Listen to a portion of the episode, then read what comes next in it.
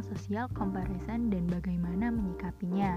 Wah, bahasannya relate banget nih ya pasti sama teman-teman semua Karena kadang secara sadar gak sadar kita itu sering banget membandingkan diri kita dengan orang lain Oke, untuk itu kita langsung aja ya bahas teman-teman Social comparison Apa sih social comparison itu? Jadi, social comparison atau perbandingan sosial adalah suatu adaptasi sosial kognitif yang dilakukan seseorang dengan cara membandingkan dirinya dengan orang lain. Singkatnya sih, ya kita bandingin aja gitu loh diri kita dengan orang lain, entah itu tentang karir, nilai, sifat, dan lainnya. Proses social comparison sendiri yaitu dengan cara melibatkan orang-orang yang mengenal diri mereka sendiri dengan mengevaluasi perilaku, kemampuan, dan sifat dengan orang lain. Social comparison ini bisa aja terjadi secara sadar atau bahkan tidak disadari, namun alaminya terjadi seiring berkembangnya pengetahuan atau wawasan sosial, pengalaman, dan interaksi sosial yang dilakukan oleh kita karena setiap individu pada hakikatnya memiliki dorongan atau kecenderungan alami untuk melakukan evaluasi internal atas diri sendiri. Dan individu kerap melakukan evaluasi tersebut dengan melakukan perbandingan kepada orang lain. Social comparison sendiri ada dua jenis, yang pertama yaitu upward social comparison, di mana hal ini terjadi ketika seorang individu membandingkan kemampuan, pendapat, atau cara pandang maupun sifatnya dengan orang lain yang dinilai lebih baik dari dirinya sendiri. Upward social comparison fokus pada adanya keinginan atau tujuan baru yang muncul dalam diri kita untuk senantiasa meningkatkan, mengasah, atau memperbaiki sebuah aspek dalam diri kita yang tengah kita bandingkan dengan orang lain yang lebih baik atau handal dalam aspek tersebut. Tapi, keinginan dan tujuan baru tersebut dapat berujung menjadi dua cabang loh, yaitu positif maupun negatif. Hasil upward social comparison yang positif tentunya akan membuahkan motivasi dan rasa ingin belajar dan mencari tahu.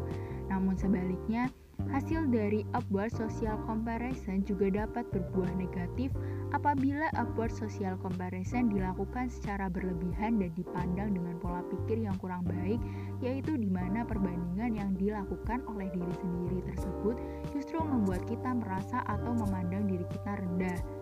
Pandangan tersebut dapat meningkatkan kemungkinan munculnya emosi-emosi negatif yang dapat memicu depresi karena tekanan yang tercipta dari perbandingan tersebut, kita jadi merasa kurang baik, merasa gagal, dan sejenisnya.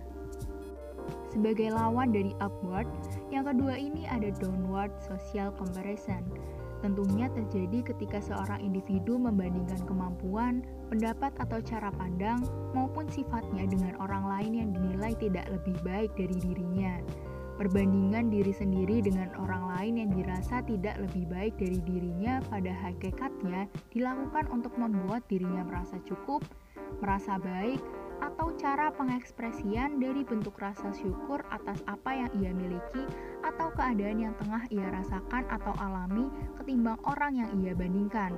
Misalnya tuh gini, teman kita nih ada yang baru aja ikut organisasi, terus kita bandingin tuh sama diri kita sendiri, entah itu kinerjanya, inisiatifnya, kemampuan leadershipnya, atau hal lainnya.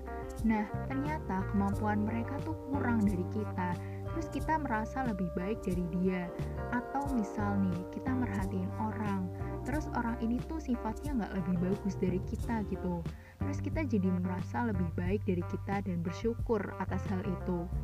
Sama halnya dengan upward social comparison outcome atau hasil dari downward social comparison dapat beragam Apabila ditanggapi dengan bijaksana dan dengan pola pikir positif, perbandingan jenis ini dapat membuat individu senang dan memunculkan emosi-emosi positif yang memberikan keadaan psikologis yang positif pula, sekaligus meningkatkan self-esteem atau rasa percaya diri. Namun, apabila perbandingan ditanggapi dengan buruk dan berlebihan, dapat menyebabkan ego menjadi terlalu tinggi dan rasa berbangga diri yang melewati batas.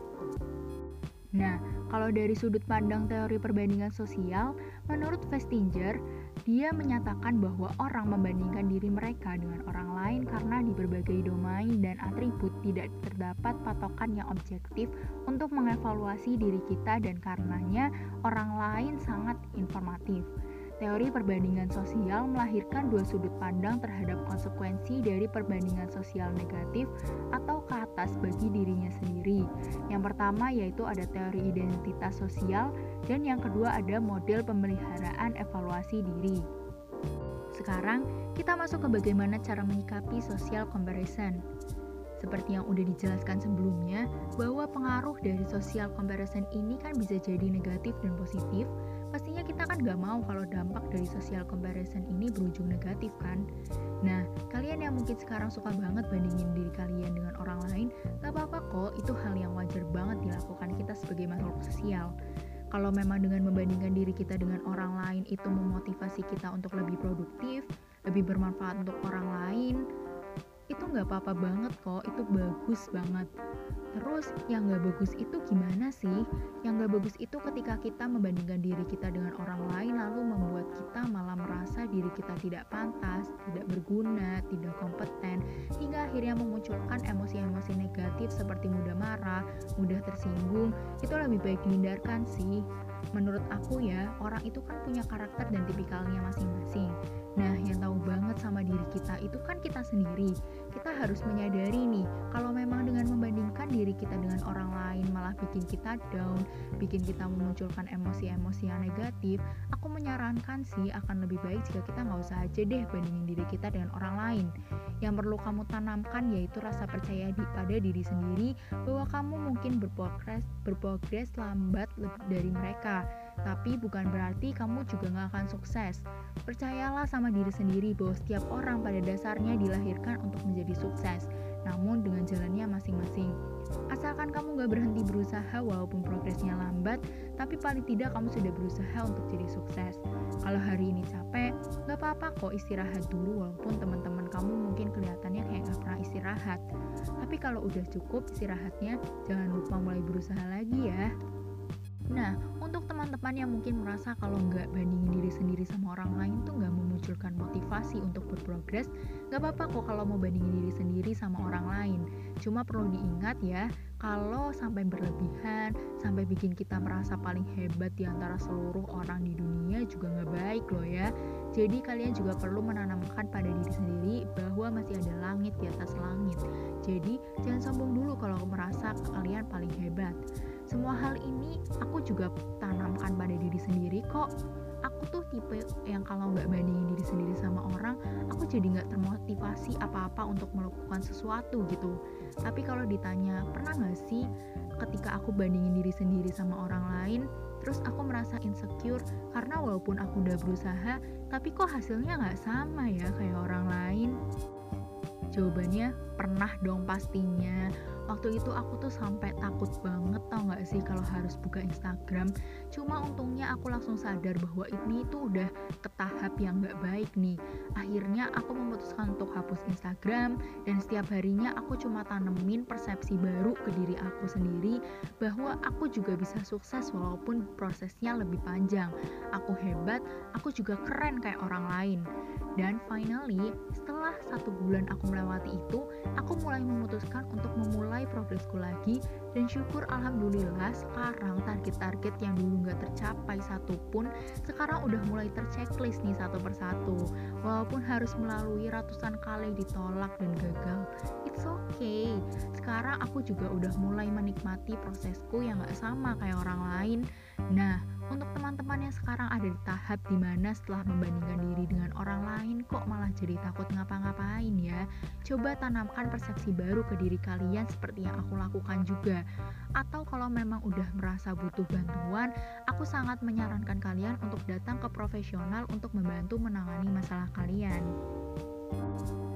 Nah, kita udah ada di penghujung nih. Tadi kita udah ngobrol tentang social comparison, apa itu social comparison, bagaimana cara menyikapinya.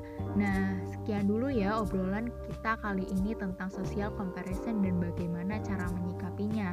Semoga informasi dan sharing dari aku bermanfaat ya buat kalian.